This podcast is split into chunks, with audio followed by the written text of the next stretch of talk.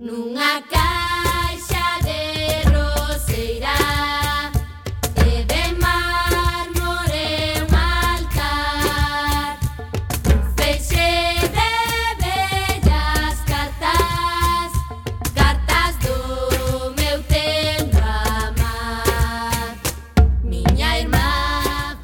que tal, recendeiros e recendeiras? Benvidos e benvidas a este espazo radiofónico semanal adicado á cultura que facemos en riguroso directo todos os martes ás 7 da tarde aquí no 103.4 desta emisora Coaque FM da Coruña.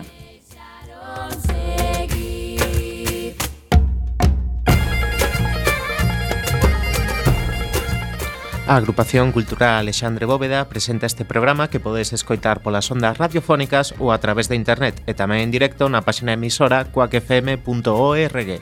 E se non chegaches a tempo non tes excusa, compañeira. Podes descargar todos os programas emitidos tecleando coacfm.org barra radioco e buscando o noso programa Recendo ou escoitalo na redifusión que será os mércores ás 8 da mañá, os venres ás 13 horas e na madrugada do domingo ao luns ás 12 da noite. E a partir de agora, seguidenos nas redes sociais, tanto no Facebook como no Twitter, arroba recendo coacfm, onde queremos formar unha comunidade recendeira. Tamén podes visitar o Facebook da agrupación en a.c.alexandre.bóveda ou na web www.ac.com acalexandrebóveda.gal.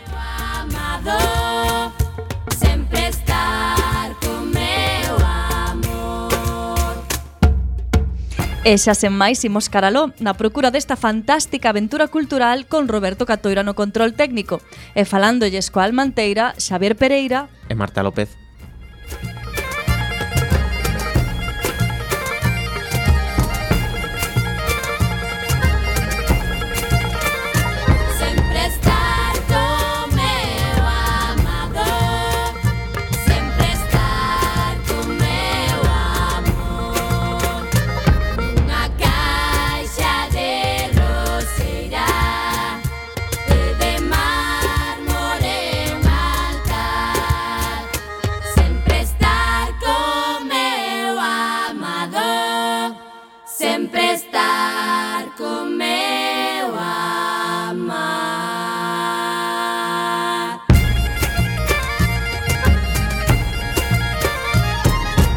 programa número 256. Contaremos como convidada con Rosario Sarmiento, xestora cultural que nos falará sobre Maruja Mayo, a quen se lle dedica en este ano 2017 o Día das Artes Galegas. Teremos a sección de A Nosa Lingua a cargo de, Mar eh, de Xela Armas, responsable da Mesa pola Normalización Lingüística na Coruña. E falaremos das actividades da nosa agrupación e das outras cousas que se fan na Coruña e na Galiza e que tamén son cultura. E na música de hoxe, Fuco Xavier é un cantautor galego cunha magnífica voz que aínda non editou ningún disco, pero na rede podedes atopar algunhas das súas cancións. Presentamos a primeira peza de hoxe titulada Cantan os galos pro día, baseada nun poema de Rosalía de Castro.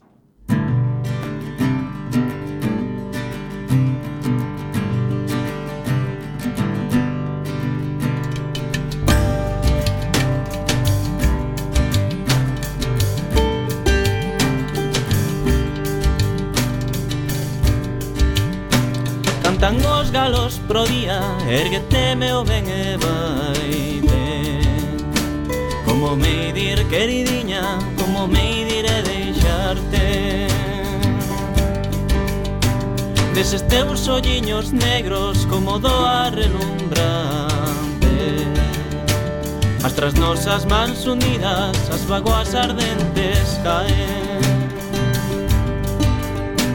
Como me ir si te quero Como me iré deixarte Si ca lingua me desbota, seco corazón me atrae.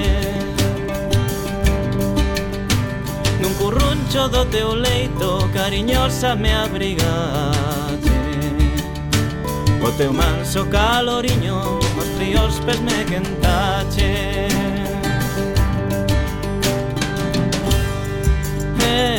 aquí. Juntos miramos por entre antro verde ramache. Calea correndo a lugar por entre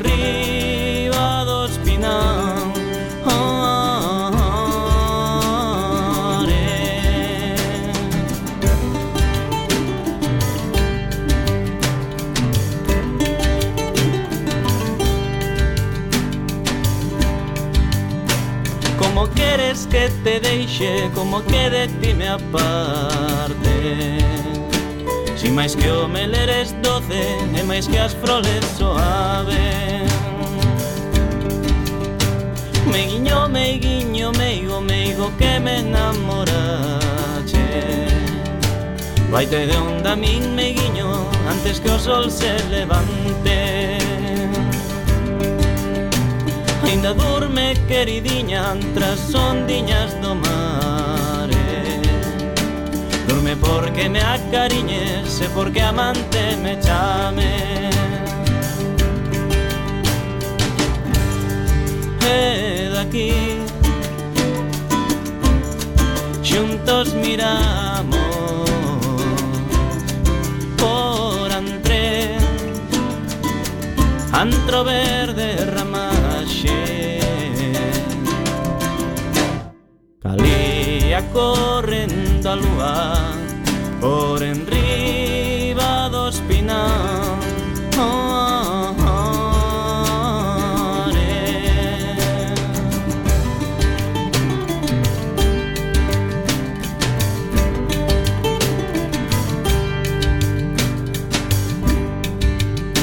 Xa cantan os paxariños Que teme o ben que tal Deixa que canten, marica, marica, deixa que canten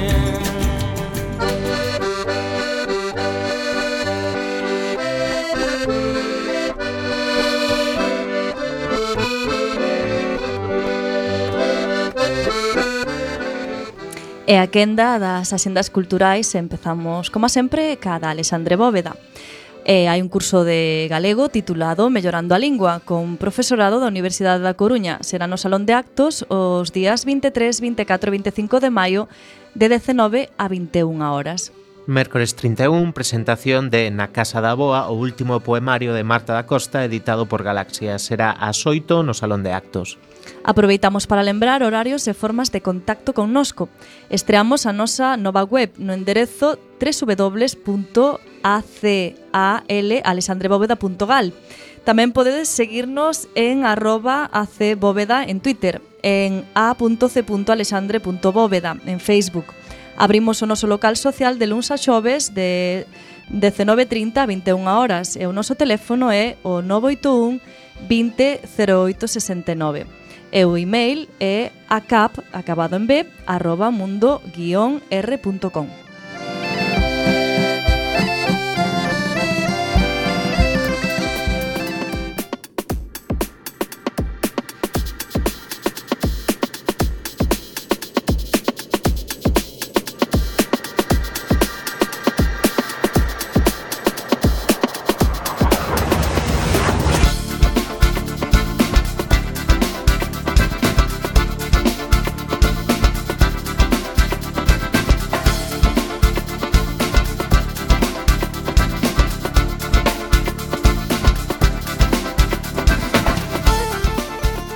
Imos aló ca xenda a Coruña, comezamos polo xoves día 25 e dentro do décimo ciclo 1906 visitará o Jazz Filloa o guitarrista inimitable Pepe Abichuela, acompañado o cante por David de Jacoba e a percusión de bandolero. E o sábado 27 será o turno de Miguel Ángelo Quartet, os pases, como a sempre, ás 10 e ás 11 da noite. E no Garofa eh, se segue a celebrar o seu 25º aniversario con concertos durante toda a semana. O xoves día 25 co Garufa Blue de Biles Big Band, o Benres con De Pedro e o sábado coa noite latina de Son al Son e Son de Camagüey todos a partir das 10 da noite. E o domingo 28 ás 8, o Garufa remata a semana con concerto dos alumnos de Carmen Rey. A Asociación Cultural Manicómicos pon en escea la Orquesta del Mar, traxicomedia arredor da orquesta femenina que ameniza a primeira clase dun transatlántico que fai a ruta Coruña-Nova York en 1958. Será o xoves ás 8:30 no Foro Metropolitano e a esa mesma hora no Centro Ágora celebras o evento poético Ferrado de Letras, organizado pola Asociación de Veciños de Agra do Orzán. E teatro tamén no Rosalía de Castro, Benres 26 e o sábado 27, con el Cartógrafo, escrita e dirixida por Juan Mayorga, e interpretada por Blanca Portillo e José Luis García Pérez. Trata da lenda dun bello cartógrafo do gueto de Varsovia, empeñado en debuxar un mapa daquel mundo en perigo. As funcións comenzarán ás 8 e media. O sábado temos outros dous eventos á mesma hora, ás seis e media da tarde. O quinto festival Dalle Donaire, organizada pola Asociación Cultural Donaire no Centro Ágoda, Ágora, e a presentación do novo traballo de Gra, eh, Gramola Gominola no Centro Cívico dos Mallos. Este traballo, chamado Cancións para desafinar, consiste nun libro disco editado por Galaxia cheo de música desenfadada para demostrar que non hai idades nin barreiras para a música. E rematamos cunha cita para os máis cativos. O domingo 28, dentro do ciclo Bebescena, La Sal Teatro representa La Lú, ideada e interpretada por Julia Ruiz e César Guerra. Será no Ágora en dúas funcións, ás 11.30 da mañá e a 1.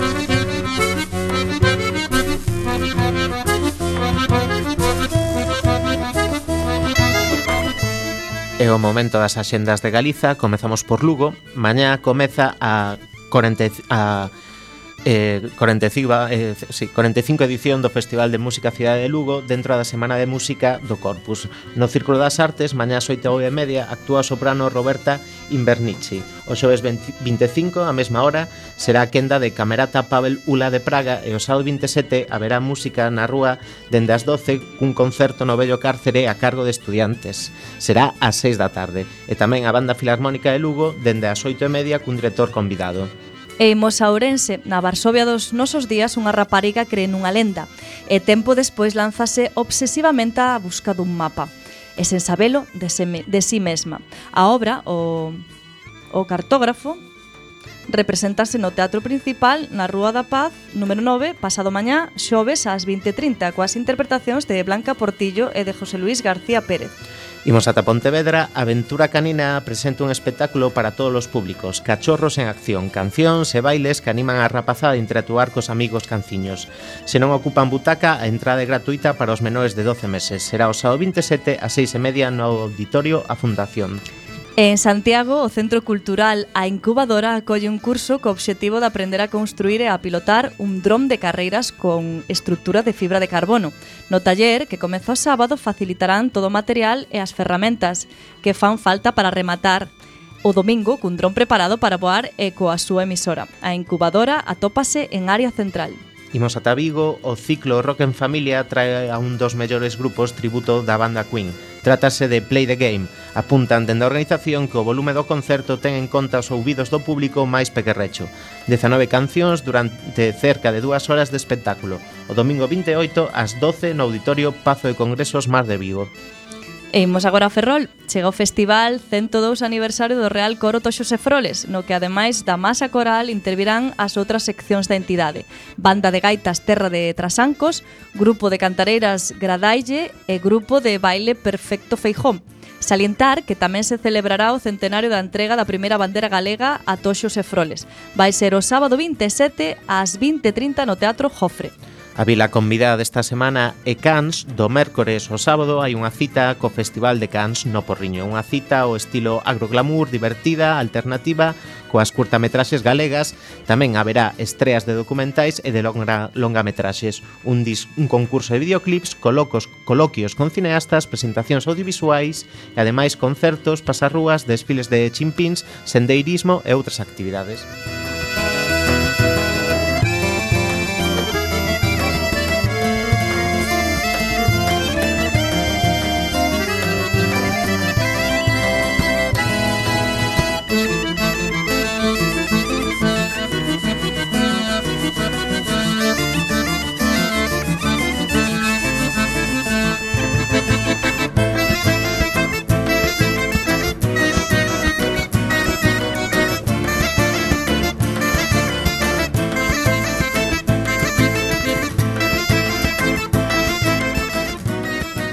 O pasado 1 de abril celebrouse o Día das Artes Galegas, que este ano foi adicado á pintora, pinto, pintora perdón, Maruja Mayo, nada en Viveiro, perdón, no 1902.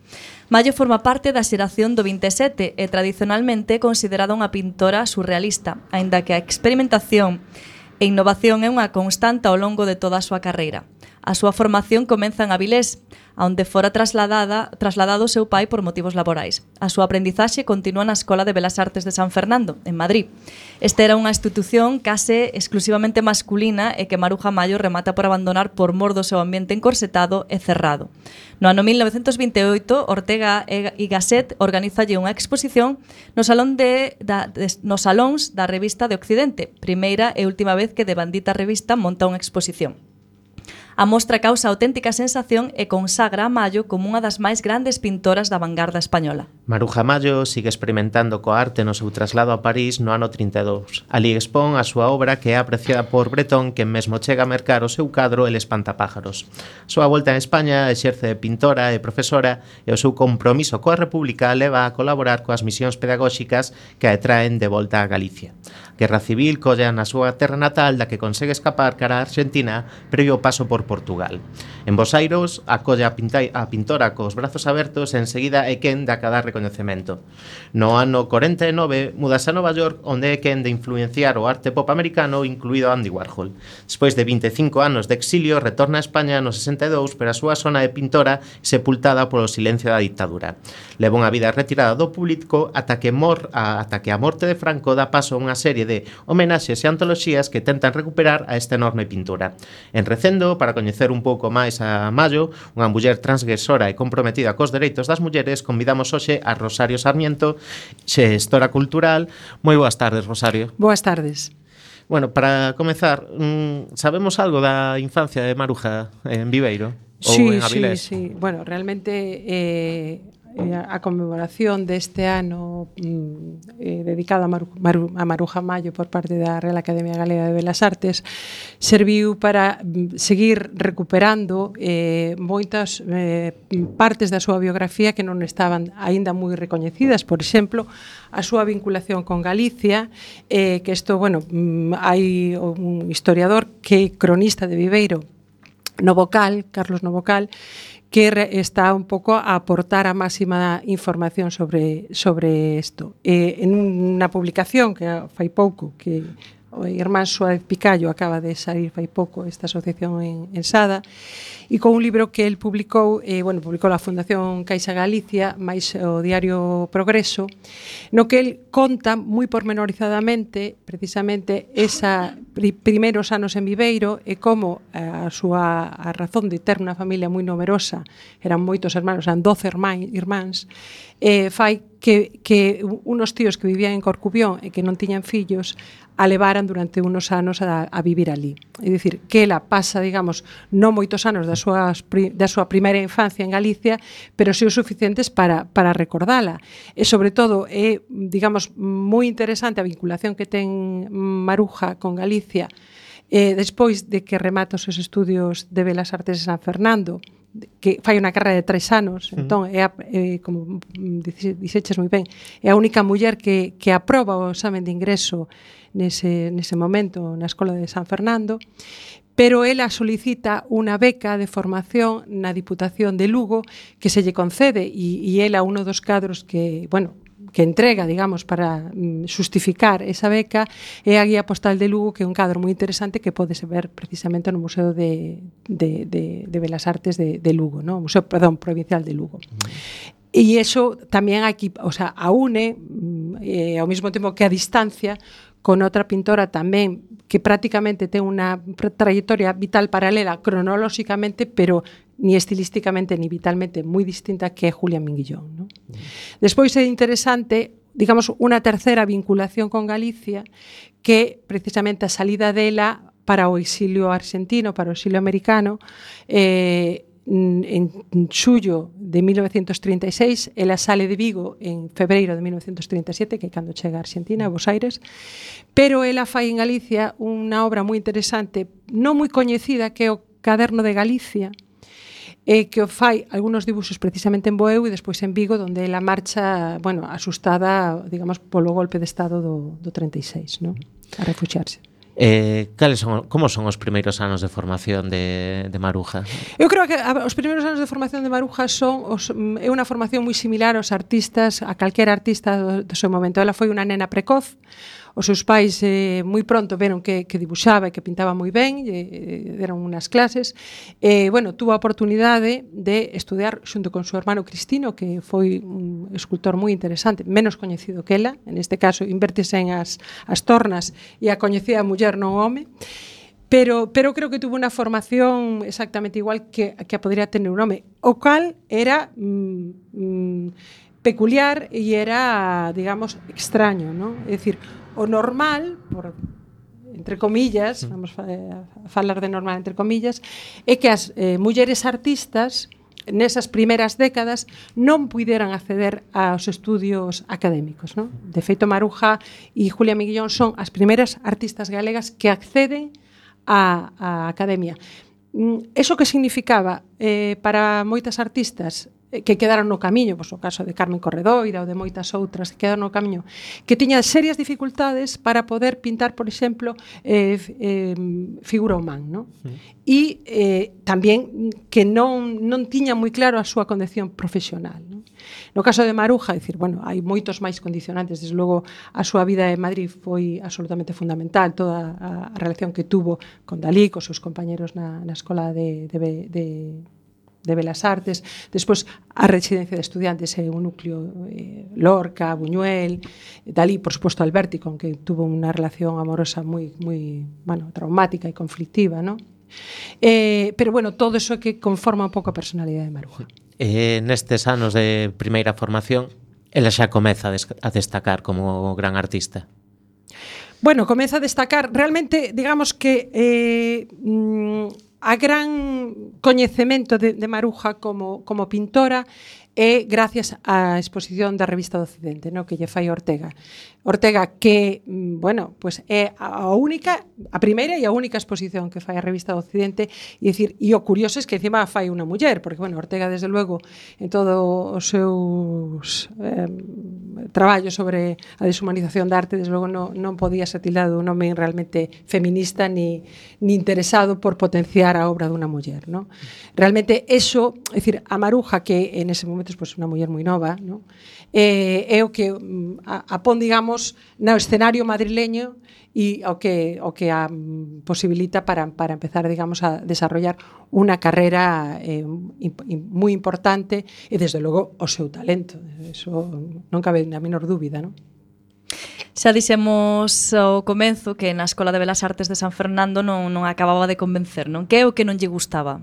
da escola? Pois pues a verdade eu creo que eh, imagino, imagino, porque isto penso que non está todavía moi moi estudiado e tal, penso que bueno, ela tiña unha gran relación con Dalí, Dalí xa sabemos que bueno, foi, bueno, hasta que lograron expulsarlo da, da Escola de Belas Artes de San Fernando, pois pues fixo todo o posible e logo bueno, eh, creía que realmente os seus profesores non lle iban a a, asina, a ensinar nada, cosa que realmente despois se veu, viu, no?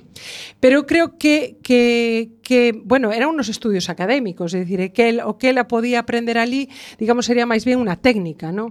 Pero, desde logo, si, si ela non hubiera tido todo, todo o ambiente e, sobre todo, a, o sea, a capacidade, a fortaleza e a inteligencia natural eh, que tiña Maruja, ¿no? E, a decir, digamos, era a persona idónea e se desenrolou a súa eh, trayectoria, desenrolou a súa capacidade no ambiente idóneo. Uh -huh. ¿no? Entón, eu creo que foi o, o, o, o fundamental para que ela pudera desenrolar a trayectoria que, que fixo, non? Eh, bueno, nesta etapa, xunto con María Zambrano, Concha Hernández e outros, o seu comportamento considerábase escandaloso. Non podes explicarnos isto, que son as en sombreiro? Concha Méndez, Concha Méndez que era unha das súas íntimas amigas e María Zambrano a quen ela tamén quería moito e admiraba moito. Pois as sin sombreiro simplemente que elas atreviran a pasear por Madrid sin sombreiro O cal era absolutamente, bueno, casi unha profanación. ¿no? Ahora nos dá risa, nos pode parecer unha cosa una anecdótica, pero elas paseaban, bueno, pues polo Paseo do Prado, polo, polo centro de Madrid, sin sombreiro. Era unha absoluta aberración. Un escándalo. Un escándalo. E foi moi complicado, pues, imaginamos que si, sí, non? Facerse un nome como pintor, eh, a pesar de ser muller. Vamos a ver, mm, Hai un tema, o sea, eh, Maruja desenrola eh, seu traballo nos anos da República, o sea, nos anos, perdón, anteriores á República, ¿no? Mm. Nos anos 20. Aí hai unha modernidade, unha modernidade da sociedade española, hai, é dicir, estamos vendo pois está a residencia de estudiantes, ela despois foi profesora tamén da residencia de señoritas que se crea no ano 1925. E, e é, a, a, ela dá clase no ano 35, pero é, é a, bueno, das, das, das poucas mulleres que dá, de, dá ali clase. É dicir, ela desenrola, desenrola mm, su trayectoria nun ambiente propicio para facelo, nun ambiente eh, culturalmente e socialmente, digamos, aperturista e vanguardista, dentro desa vanguardia con la que ela se conecta. Vale? Mm. Evidentemente, eh, ela é unha excepción. Ser artista e ser muller era moi complicado moi complicado, bueno, se si falamos en Galicia, eh, Galicia ou en Asturias ou en calquer eh, lugar fora, digamos, do, do núcleo de Madrid ou de Barcelona, ¿no?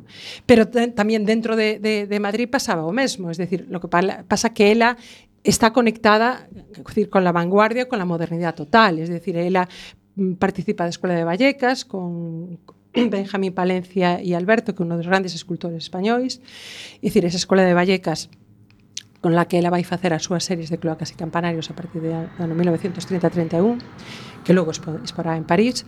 Eh, ele está, está conectando precisamente con esa modernidade que está mm, facendo unha relectura da paisaxe española un pouco en base á xeración do 27 incluso, bueno, pues digamos de toda a tradición eh, de Regollos ou a tradición de Solana, ¿no? de un pouco desa España negra que ele reivindica e ela está ali E, e precisamente en 1929 cando fai esos paseos polas eh, aforas de, de Madrid, eh, estamos falando da Atocha, non a Atocha que coñecemos agora co Centro Reina Sofía, sino, bueno, pues unos, unha zona totalmente chea de estercoleiros, de, de cardos, de, de osos e oxetos de, de porquerías, de basuras, non? E ela, ali, precisamente, o seu irmán Xusto lle fai unha, unas fotos nas que elas prácticamente se hace unha performance con esos objetos, esos cardos, esos eh, cadáveres, esas eh, cabezas ¿no? de, de animais que logo vai a pintar nas súas, nos seus cadros. ¿no? Nos pantapájaros, nos pantapeixes, un deles que marcará Bretón precisamente na exposición de Pierre Loeb en París, que esos dos cadros estarán tamén expostos na Bienal de Venecia do ano 1936, do xuño de 36, que é a última Bienal de Venecia da República Española e ela está, vai estar presente nese, en ese, bueno, nese pabellón español precisamente con esas dúas obras. Imos facer a primeira pausa musical da conversa. Seguimos escoitando a Foucault Xavier. Neste caso o tema é Orfo e Corazón Unha emotiva canción sobre a perda dun ser querido.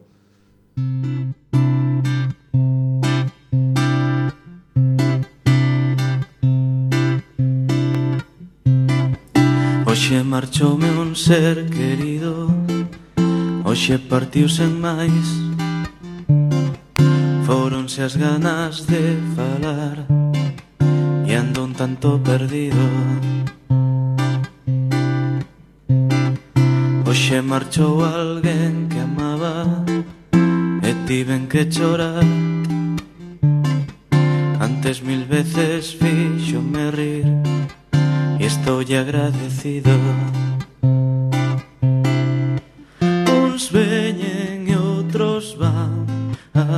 vida cambia en segundos. Estaba, non está Pero de algo estou seguro. E é que se busco no firmamento. Só preciso dun momento para ver A súa cara a me sorrir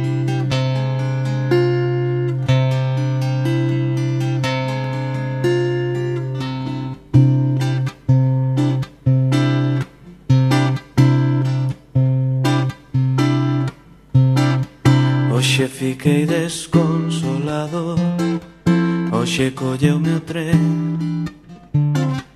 Ninguén se fai cargo do dano Por min non veo ninguén.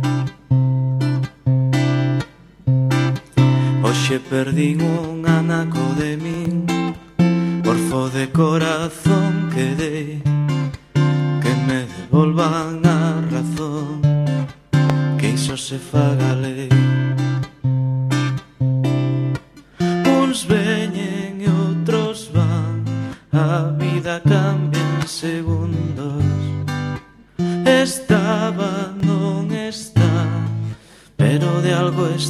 Seguro E é que se busco no firmamento Só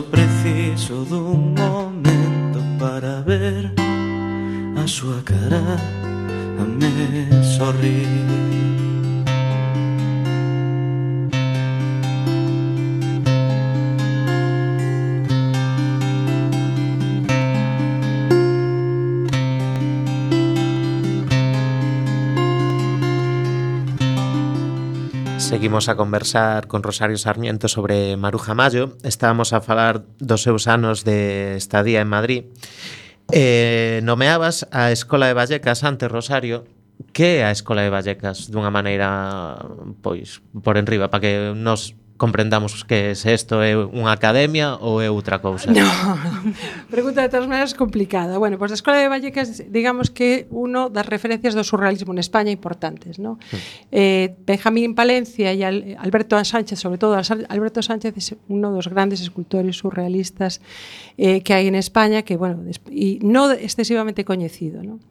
E precisamente eh, cando Maruja eh, contacta con eles e fai esos esa serie de cloacas e campanarios que mm, realmente a mm, máxima eu non me atrevo a decir casi a única, pero a máxima vinculación de Maruja co surrealismo. ¿no? É dicir, despois a pintura de Maruja ten outras lecturas moi diferentes.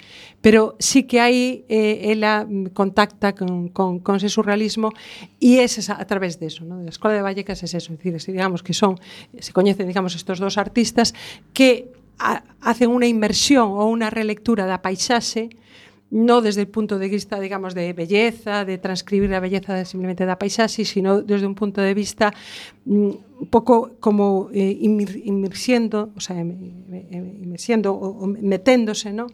nunha lectura moito máis dura, no? máis es esa España do 27 que eles de alguna maneira reivindican, no?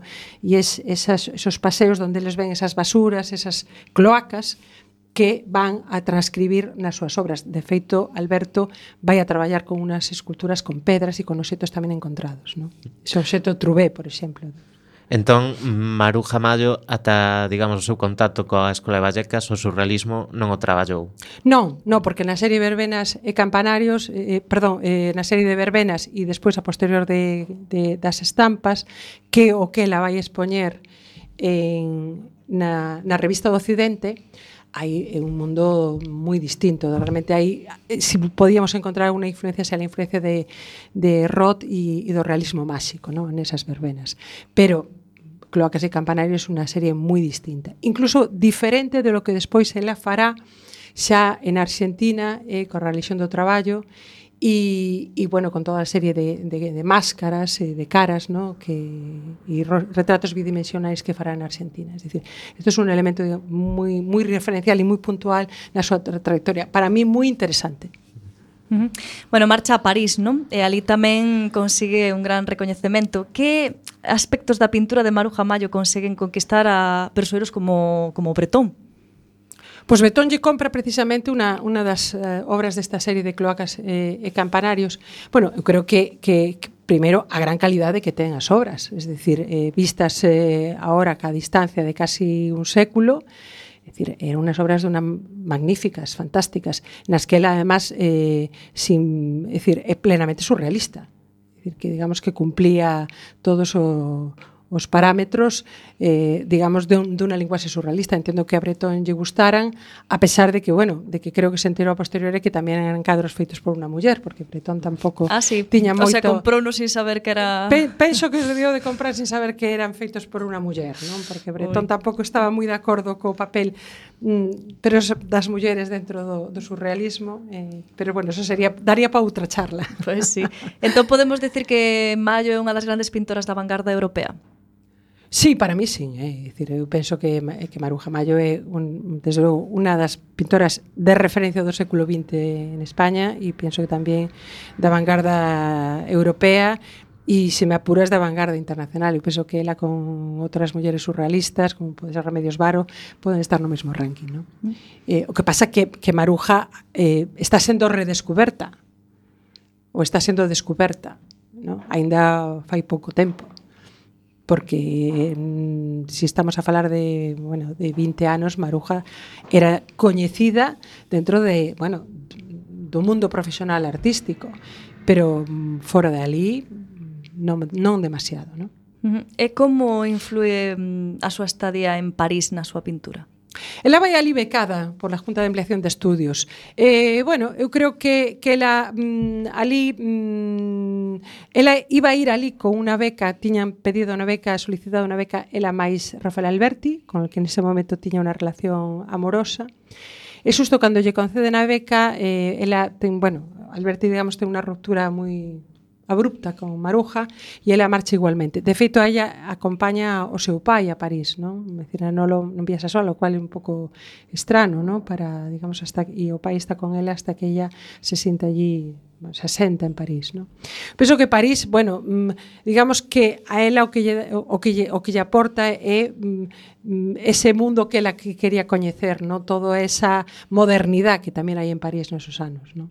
Pero que ela, bueno, se a coñecía de forma tan sencial a partir de, de moitas revistas que lle ofrecían os seus amigos e os compañeros na, na residencia de estudiantes, Dalí, Buñuel, por exemplo, Callers, eh, moitas revistas francesas, ela xa as coñecía en, en en Madrid, ¿no? porque ela se movía, como os comentaba antes, nun ambiente da, da, da, da, da vanguarda total. ¿no? Eh, está la guerra civil, eh, Maruja pois exiliase en Argentina. Eh, antes comentaba Rosario que é o medo a que a leva a fuxir de, de España, non? Bueno, vamos a ver, ela marcha, eh, ela cando chega a Galicia, ven a Galicia, eh, antes de que estoupara, antes do golpe de Estado de, de, de 18 de xullo do 36, non? Ela está aquí, co, bueno, con, en casa dunos amigos, en Boeu, con seu compañeiro López Mesquita, que é un militante do POU en ese momento. Entón, ali se enteran do golpe de Estado e se enteran, digamos, de toda a barbarie dos días seguintes que, que se produce o golpe de Estado. Entón, ela ten medo, eh, eh, marcha a, a Vigo porque a súa nai era oriunda de Vigo, a súa familia de Vigo, e tiña familiares en Vigo no barrio de Lavadores, onde ela se vai, e se vai esconder desde o mes de set, mm, finais de agosto, setembro, hasta febreiro que marcha a Argentina, eh, bueno, marcha pola frota de Tui, logo collo barco en Lisboa e marcha a Argentina, non? Eh, claro, ela ten medo, lóxicamente ten medo como como terí como natural. que tería moita xente, ela era unha muller vinculada obviamente a un ambiente republicano e de esquerda, e da esquerda, entón, bueno, lóxicamente, e os seus amigos eran eses, e además o seu compañero López Mesquita é detido, entón, claro, ten medo. Eh, chega a Bos Aires, ali en principio eh, ten unha acollida moi boa, pero como é a súa vida durante o exilio? Porque, por exemplo, hai xente que lle bota en cara que levaba unha vida desafogada, en plan, como se un exiliado tivese que estar pasando fame e frío todos os días. Bueno, a ver, eu creo que Mar, Mar, Maruja, eh, bueno, chega a Argentina eh, e chega pois, pois, pues, pues, unas condiciones de exiliada, é dicir, está soa ali, ¿no? E ela, lóxicamente, o que hace intentar pues, buscarse eh, o modo de vida e o modo tal. Ten boas relacións eh, ali, bueno, ela é invitada por Gabriela Mistral a, a chegar a Argentina, eh, a invitan a dar conferencias, vai a conectar tamén ali con Pablo Neruda e, e no propio Buenos Aires tamén conectará con toda a colonia eh, galega ali, no? Ela tuvo moita relación, por exemplo, con Luis Xovane. Pero eu creo que, que Maruja ten, digamos, un momento moi bon en Argentina, que é hasta mediados dos anos 40, hasta mediados hasta 45 ou 48, E despois, bueno, aí creo que máis vinculado ao tema do, bueno, digamos do, do mundo político, que nese momento ela contacta con, con e ten eh, boas amistades tamén dentro dos eh, eh, dos eh, mundo xudeo, no, argentino e demais. Pero despois que ha chegado o peronismo, creo que ela ten xa un acerto baixón, no? É dicir, xa non ten tanta tantas boas relacións. Mm. Por eh, chamalo de alguna maneira. Pero ela sigue vendendo, sigue pintando e sigue traballando. Eh? Imos a falar con Xela Armas, antes imos a escoitar a sintonía. E que foi que foi, que foi que será Din que temos lingua e será verdade Será verdade, será verdade Sacalla para fora, non agoches máis Xa levábamos ben tempo fodidos por vende anos Con aquilo de que había que falalo castejano Con aquilo de que había que falalo castejano. Pero o povo nunca quixo que lle trocaran a fala Dicindo que a súa é boa e que a nosa é a mala Dicindo que a súa é boa e que a nosa é a mala. Ola, boas tardes, Xela. Ola, moi boa tarde.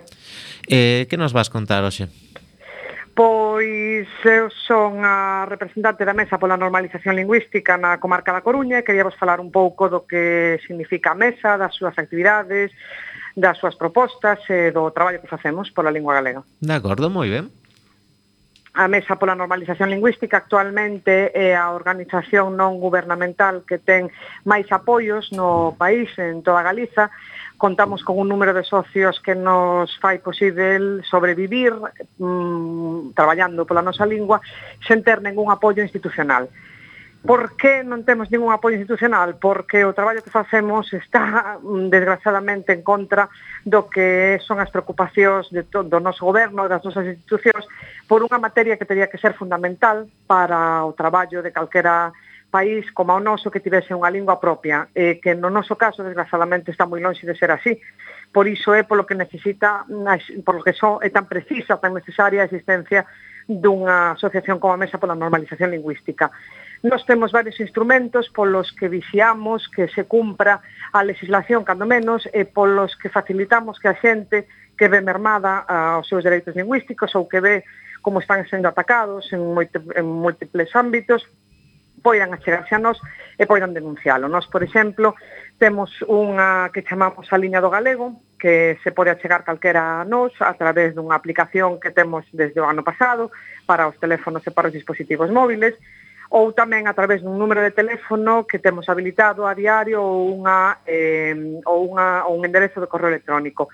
Calquera persoa que vexa que non se cumpre a normativa, que está sendo impedida na súa, na súa normal eh, expresión en galego cando se dirixe, por exemplo, a unha institución ou a calquera empresa privada, pode dirixirse a esta liña do galego e nós facemos unha intervención para procurar que sexan respeitados os dereitos lingüísticos desta persoa.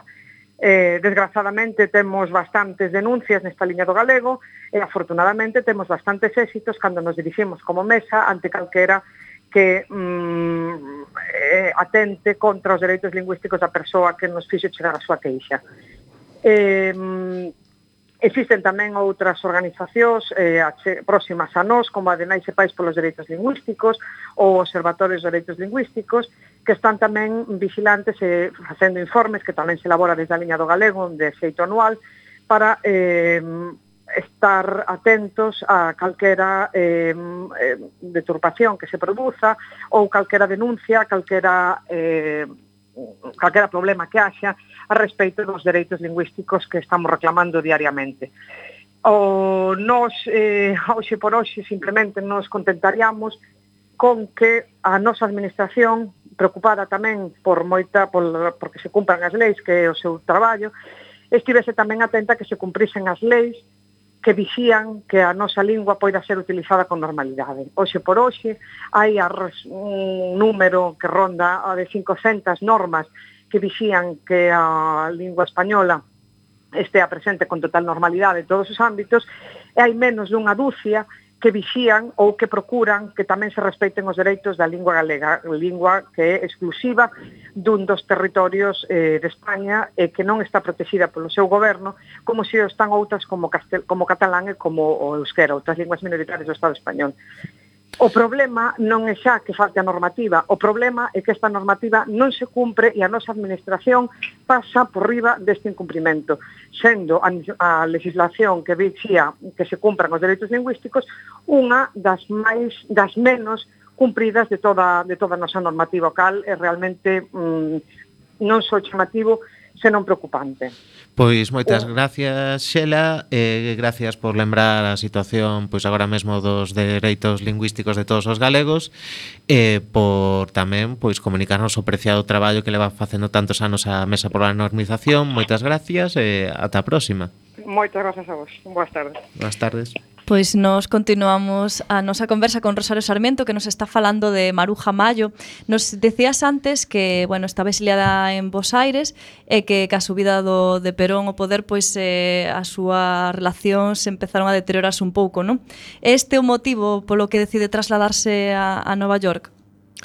Eh, bueno, pode ser eh, eh penso, de todos os sitios ela creo que é invitada a expoñer tamén en Nova York pasa ali al temporadas, pero sobre todo porque ela, uno, digamos, dos clientes que tiña da, do seu traballo, pois pues eran tamén os judíos argentinos, no? que vivían ali en Argentina, vivían como comuna, una, una comunidade moi importante, que tamén eran clientes de outros artistas, como por exemplo Luis Joane, no? E, sí, penso que xa pode ser unha razón. De todas maneiras, ela eh, quería volver, quería volver, o pasa que tiña, tiña medo, como todos os, os exiliados. E curiosamente, uno dos personaxes que eh, a, in, a invita e que lle, lle mandaba felicitaciones navideñas é o, o marido que despois foi o viudo de Julia Minguillón, eh, el, un, o periodista Leal Insua, que nada menos que era director dunha revista que chamábase Mundo Hispánico, non? E, bueno, pois parece ser que, que este home, que, bueno, eu coñecín, ora xa morreu fai, fai tempo, eh, bueno, pois lle mandaba, lle mandaba eh, felicitacións navideñas, e ela pouco a pouco, bueno, pois, pois va vendo que, que, que aquí pode, que, que pode volver a España e que, bueno, que non, que non lle va a pasar nada, no? De feito, fai o primer viaxe en 1962 cando, e logo volve definitivamente en 1965, xa, dez anos antes de, do, da morte de, de Franco e do inicio da, da democracia. Non? Mm. E como se integrou Mario na vida cultural de, de Nova York, nesta urbe tan cosmopolita? Pois a verdad que eh, eh, toda a, tra a traxectoria de Maruja mm, no exilio hasta o ano 62, bueno, 65, que cando volve a España, a España non está moi estudiada, non? E esa parte de Nova York non está moi estudiada, é dicir, tampouco hai moito dato, o sea, se sabe eh, máis ou menos toda a obra que pintou, é dicir, prácticamente está mm, mm toda ela catalogada. Ela non pintou moito, pintou alrededor de unhas 100, 105 obras, e, e se sabe tamén todo o que, que pinta aí en, en Nova York. No? Pero de, todos os anos que ele estaba no exilio, además de, de pintar, ela fai tamén diseños, foi muralista, un mural que agora desapareceu en Bos Aires, fai tamén traballos con coiro, decir, todo eso un pouco, evidentemente, para sobrevivir, lóxicamente. ¿no? Aparte de, de conferenciante, ¿no? Era, deu conferencias en, en Sudamérica, en Chile, en Argentina, e, bueno, pues digamos que era a maneira un pouco de, de, de sobrevivir, pero entendo que o de Nova York mm, debió ser fundamentalmente a raíz dun encargo para expoñer ali por, por un galerista e, e bueno, que evidentemente vendeu obra. Uh Pero tamén se fala da súa influencia sobre o arte pop americano, non? Eh, Bueno, esa é pola famosa foto que aparece con Warhol Co seu abrigo que non se quitaba nunca Incluso no verán Sí, pero bueno, eu creo que todo eso forma máis parte máis do anecdotario que digamos da realidade de, de, de a trascendencia do seu traballo, no?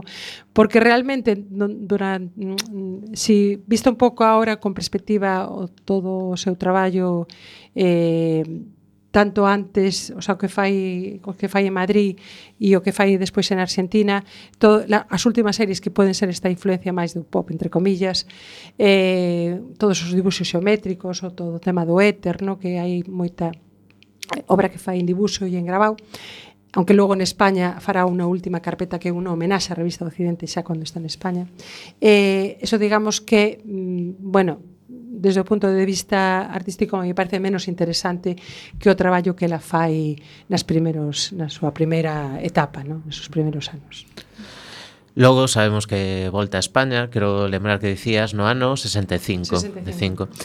Ela é consciente de que aquí en España por seguramente o silencio da ditadura eh, digamos que todo o que representou a República pois está sendo digamos destruído ou eh, olvidado ela non vai ter aquí o recoñecemento que podía ter eh, no estranxeiro ela é consciente de que a cousa en España ia ser un pouco máis máis dura Bueno, eu penso que ela chega ilusionada como calquera exiliado, no? que estaba fora de, do seu país ela cando marcha exiliada ve que se de que ser primeiro a guerra, é dicir, a república se desvanece, eh, o ascenso de Franco ao poder e logo tamén o nazismo, no? a guerra a Segunda Guerra Mundial, con lo cual ela aí queda moi tocada como calquera exiliado que pensaba ou tiña esperanzas de volver, no?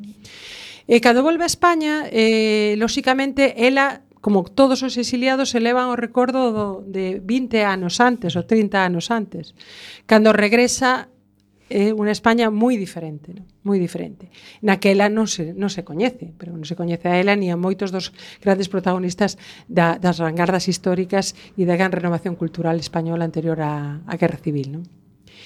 Eh, entón, pasarán, pasarán unos anos hasta aquelas, digamos, que vai a ser a xeración un pouco dos 80, a primeira sección despois da, do inicio da democracia, aunque van a recuperar a Maruja, pero ela xa é unha muller xa con unha certa edade, ¿no? Sí. E ela vai a conectar aí precisamente con esa xente xo, eh, nova, con esos novos, pois pues, a xeración de Juan Manuel Bonet, a generación de de Pérez de Ayala, eh, de Estrella de Diego, que son historiadores nese momento moi novos, que ah, a, digamos que son os primeiros que van a rescatala. Non? Mm. Estamos falando que nesa época Maruja evidentemente ten xa 80 anos. Exactamente, exactamente. Pois a pintura de, de Maruja Mayo non foi mudando co paso do tempo, pero so, cales son aquelas constantes que definen a, a súa trayectoria? Pois eu diría eh, que hai, eh, primeiro, que ela foi unha muller moderna. Non? Maruja foi unha muller moderna, unha muller de seu tempo, unha muller vinculada a, a modernidade e a vanguarda española de, dos anos 20 os, decir, hasta a, a, e a República. Eh, unha muller que loitou pola súa liberdade, unha muller que loitou por ser ela mesma, por ser un artista, por desenrolar su personalidade. E eu creo que iso é o máis interesante de Maruja. Desde logo, evidentemente, iso, o seu traballo artístico é moi interesante e, e es, aí está, ¿no? e aí está para que a historia o vexamos, o disfrutemos e o juzguemos con esa enorme aportación.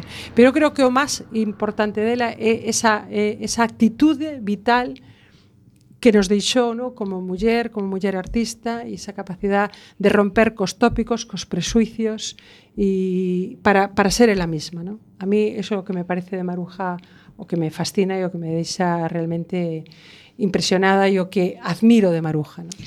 E a ti, que é o que che gusta máis da súa proposta artística? Puf, complicado. A verdade é que a mí eh, o que me gusta mm, moito é toda a serie de cloacas e campanarios, toda a etapa surrealista. Eh, pero recoñezco que as verdenas son moi interesantes e logo tamén todo o traballo que ela fai a caballo entre os últimos anos que está en España, a sorpresa do trigo e xa eh, a religión do traballo e que, que fai xa os primeiros sonas en Argentina. Non? É dicir, eso tamén é moi interesante. Pero, desde logo, a serie de cloacas e campanarios a mí me parece fascinante. Pero, bueno, é me, a miña opinión. Non? E xa para rematar, eh, se pode ser unha maneira moi breve, Rosario, pensas que a influencia de Maruja Mayo aínda podemos notar no, no, no arte contemporáneo, no que se fai agora mesmo? Sí, sí, sí. Sobre todo porque por un pouco por lo que comentábamos, porque penso que é una, mm, unha artista, unha muller, unha muller artista, que aínda está todavía descubriéndose en moitas facetas, ¿no? E, e penso que sí, que ela todavía veremos máis influencia da súa impronta, ¿no? Pero desde logo un artista que a, mm, xa agrándase co tempo. Dicir, eu creo que os grandes artistas agrándanse con tempo, no? porque eh, dicir, artistas hai moitos, obras hai moitas, pero as que prevalecen, as que realmente marcan a historia de arte son poucas. No? E creo que Maruja é unha delas, no? sin lugar a dúbida. Así que temos Maruja Mayo para rato. Penso que sí. Alegrámonos todos. Eh, bueno, pois moitas gracias, Rosario, quedamos en tempo e foi un placer descubrir pois a Maruja Mayo con, contigo hoxe. Moitas gracias a vos eh, por invitarme eh, e por poder charlar este rato sobre unha muller, unha artista tan interesante e, desde logo, tan querida para, para min. Pois sen tempo, para máis odiseas imos chegando a fin do camiño deste recendo. Despedimos o programa de hoxe agradecendo aos nosos convidados que, como sempre, son de honra. Hoxe tivemos a Rosario Sarmiento que nos achegou a figura da pintora Maruja Mayo e a Xela Arma, responsable da Mesa pola Normalización Lingüística. E agradecendo a semente pedrangular de todo o noso comando e equipo de produción formado por Javier Pereira, Antonio Brea, Manu Castiñeira e Roberto Catoira. Hoxe aquí estivemos Roberto Catoira nos controis e falándolles coa alma entera no micrófono Marta López e Xavier Pereira. No. acompañándote neste recendo de palabras e de imaxes radiofónicas que nos traen este aroma cantado na nosa lingua e que nos permite hoxe e tamén no futuro a permanencia da palabra, da música e da implicación e o compromiso coa nosa nación, a Galiza. Ata o vindeiro martes ás 7 da tarde en directo nesta emisora Coac FM da Coruña. Xa sabe de recendo as mil primaveras que terá o noso idioma. Música